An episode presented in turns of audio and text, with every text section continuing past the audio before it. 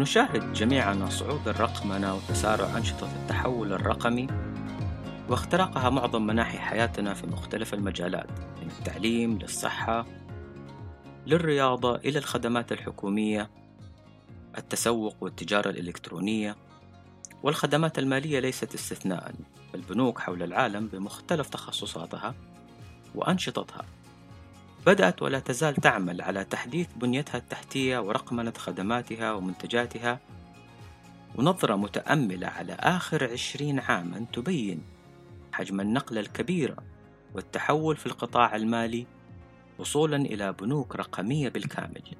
لا يوجد لها أي منافذ خدمة واقعية مثل الفروع يمكن أن يقصدها الزوار.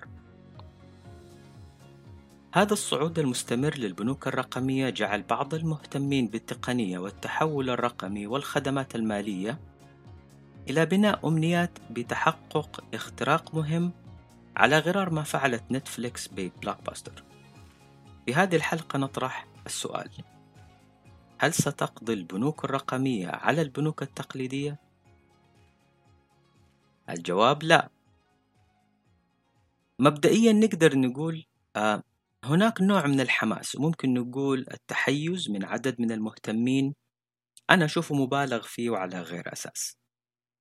عدد من التعليقات والتصريحات لمحللين ومهتمين تتعلق بموضوع البنوك الرقمية اشتملت على توقعات ووعود كبيرة لا يسندها الواقع. ولا المعرفة بطبيعة عمل البنوك الرقمية القائمة اليوم ونماذج أعمالها وما تركز عليه. ولأن إجابتي على السؤال دائما سريعة ومختصرة لا لن تقضي البنوك الرقمية على البنوك التقليدية لا قريبا ولا حتى بعيدا إلا ممكن بعيدا جدا يعني ممكن بعد عشرين سنة تتضح الرؤية. سأفصل ببعض الملاحظات. واحد في جميع الأسواق التي تتواجد فيها البنوك الرقمية الآن ممكن على مدى سبعة إلى عشر سنوات لم يتمكن بنك واحد منها إلى الآن من تحقيق معادلة تسيد السوق أو القطاع نسميها market dominance حتى الآن وتتواجد جنبا لجنب مع البنوك التقليدية. وهذه نقطة مهمة جدا. اثنين جميع البنوك الرقمية العاملة الآن في جميع الأسواق لا تزال في مرحلة النمو ك start-ups. كلها تعتبر منظمات ناشئة. ومعظمها لا تحقق أي ربحية في هذه المرحلة. معظم تركيزها ينصب على الاستحواذ على أكبر قاعدة عملاء ممكنة في السوق. مستهدفة شرائح العملاء المخدومة جزئيا underserved أو غير المخدومة نهائيا. Non-consumption أساسا. هذه الشريحة من العملاء المستهدفة خارج السوق لعدم وجود خدمات أو منتجات تخدمها. ما يعني أن طبيعة عمل البنوك الرقمية اليوم بتركيزها في مرحلتها الحالية لا تنافس البنوك التقليدية. ولا تستهدف الزعزع disruption وإخراج اللاعبين التقليديين من السوق لأنهم ببساطة بيخدموا شريحة مختلفة تماما من العملاء. ثلاثة التركيز الرئيسي لمعظم البنوك الرقمية هو على قطاع مصرفية الأفراد أو التجزئة مع تواجد متواضع في استهداف شريحة عملاء المؤسسات الصغيرة ومتناهية الصغر رغم أنها نقطة, نقطة اختراق أساسية لأي لاعب جديد داخل السوق. وأبعد من هذا معظم هذه البنوك في تركيزها على العملاء الأفراد تلجأ للتسويق العاطفي بتصوير أنفسها بالمنقذ من براثن البنوك التقليدية بتعزيز مفاهيم الشمول المالي. رابعا قلة قليلة من البنوك الرقمية اللي بتعمل الآن من سبعة إلى عشر سنوات بدأت تظهر ربحية وهذا أمر مهم جدا للمستثمرين. آه، لا يزال يتواصل ضخ استثمارات كبيرة ومهمة في هذه الفرص وفي قطاع الخدمات المالية التقنية الفنتك عموما. وهذا الضخ الكبير يأتي إيمانا بقدرة هذه المنظمات على صنع الفارق في السوق وصنع عوائد مستدامة. وأكرر مرة ثانية عشرين سنة هو الرقم المتوقع لاتضاح الصورة حول مستقبل المصارف الرقمية. خامسا نقطة الجذب الرئيسية عند البنوك الرقمية هي مجانية الخدمات والمنتجات نسميها أبو بلاش. ولو كان هناك رسوم هي غالبا ضئيلة جدا. أو ممكن تكون نقطة الجذب الأخرى هي المنتجات المكلفة مثل الودائع الادخارية. ومخاطرتها تكمن في دفع عوائد أكبر من عوائد السوق وهذه واحدة من التكتيكات اللي اتبعها أحد البنوك الرقمية وهو الآن خارج السوق. كان بيدفع على العوائد الادخارية آه، نسبة فائدة أكبر من نسبة الفائدة المطروحة في السوق بهدف استقطاب العملاء. هذا النموذج المعتمد على مجانية الخدمات والمنتجات يحتاج لقاعدة عملاء ضخمة جدا.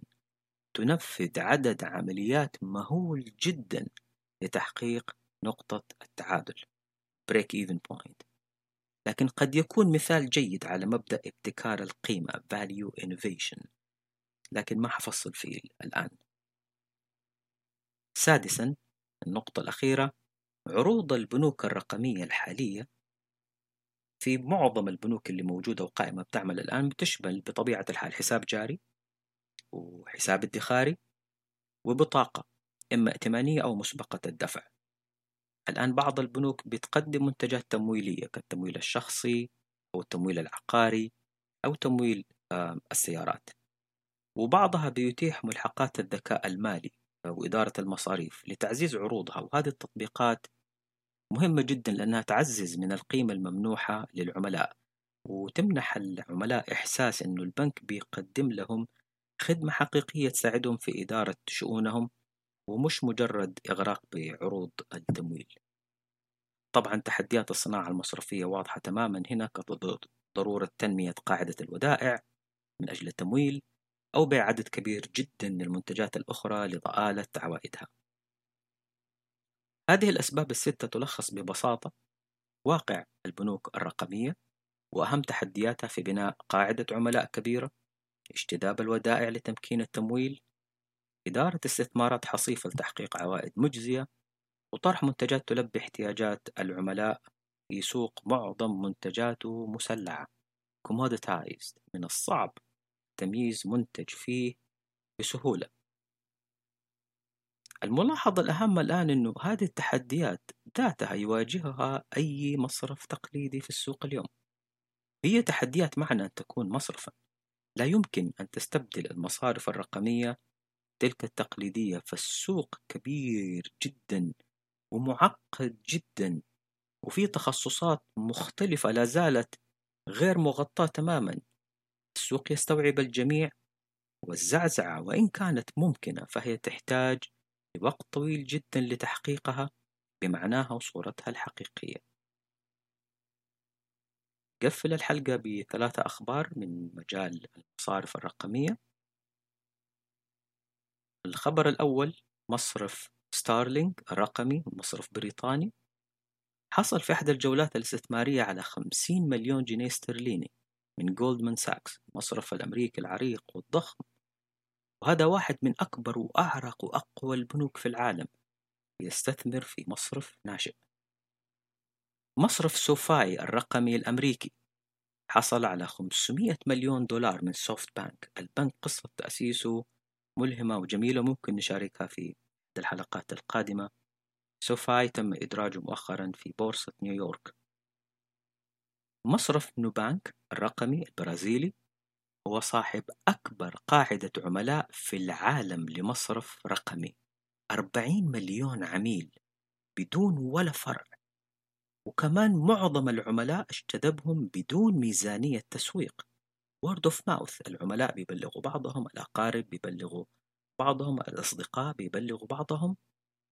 وهذا المصرف نوبانك حصل على 500 مليون دولار من وارن بافيت. وارن بافيت بعد قصة حب طويلة جدا مع ويلز فارغو واحد من أهم استثماراته وكان أكثرها تعلقا بالنسبة له بعد 31 سنة. وارن بافيت وفي وقت فضيحة الحسابات الوهمية لويلز فارغو أصدر بيان من طرفه. كان البيان هذا مهم جدا للمستثمرين. رغم ذلك بعد مرور تقريبا أربع سنوات على هذه الأزمة وعدم تغير الأمور الآن بيصفي استثماره في ويلز فارغو مجمل اللي باعه حوالي 99% ممكن أو 98% من ال holdings في ويلز فارغو قيمتها حوالي 23 مليار دولار. استثمر 500 مليون دولار في نو بانك الرقمي البرازيلي.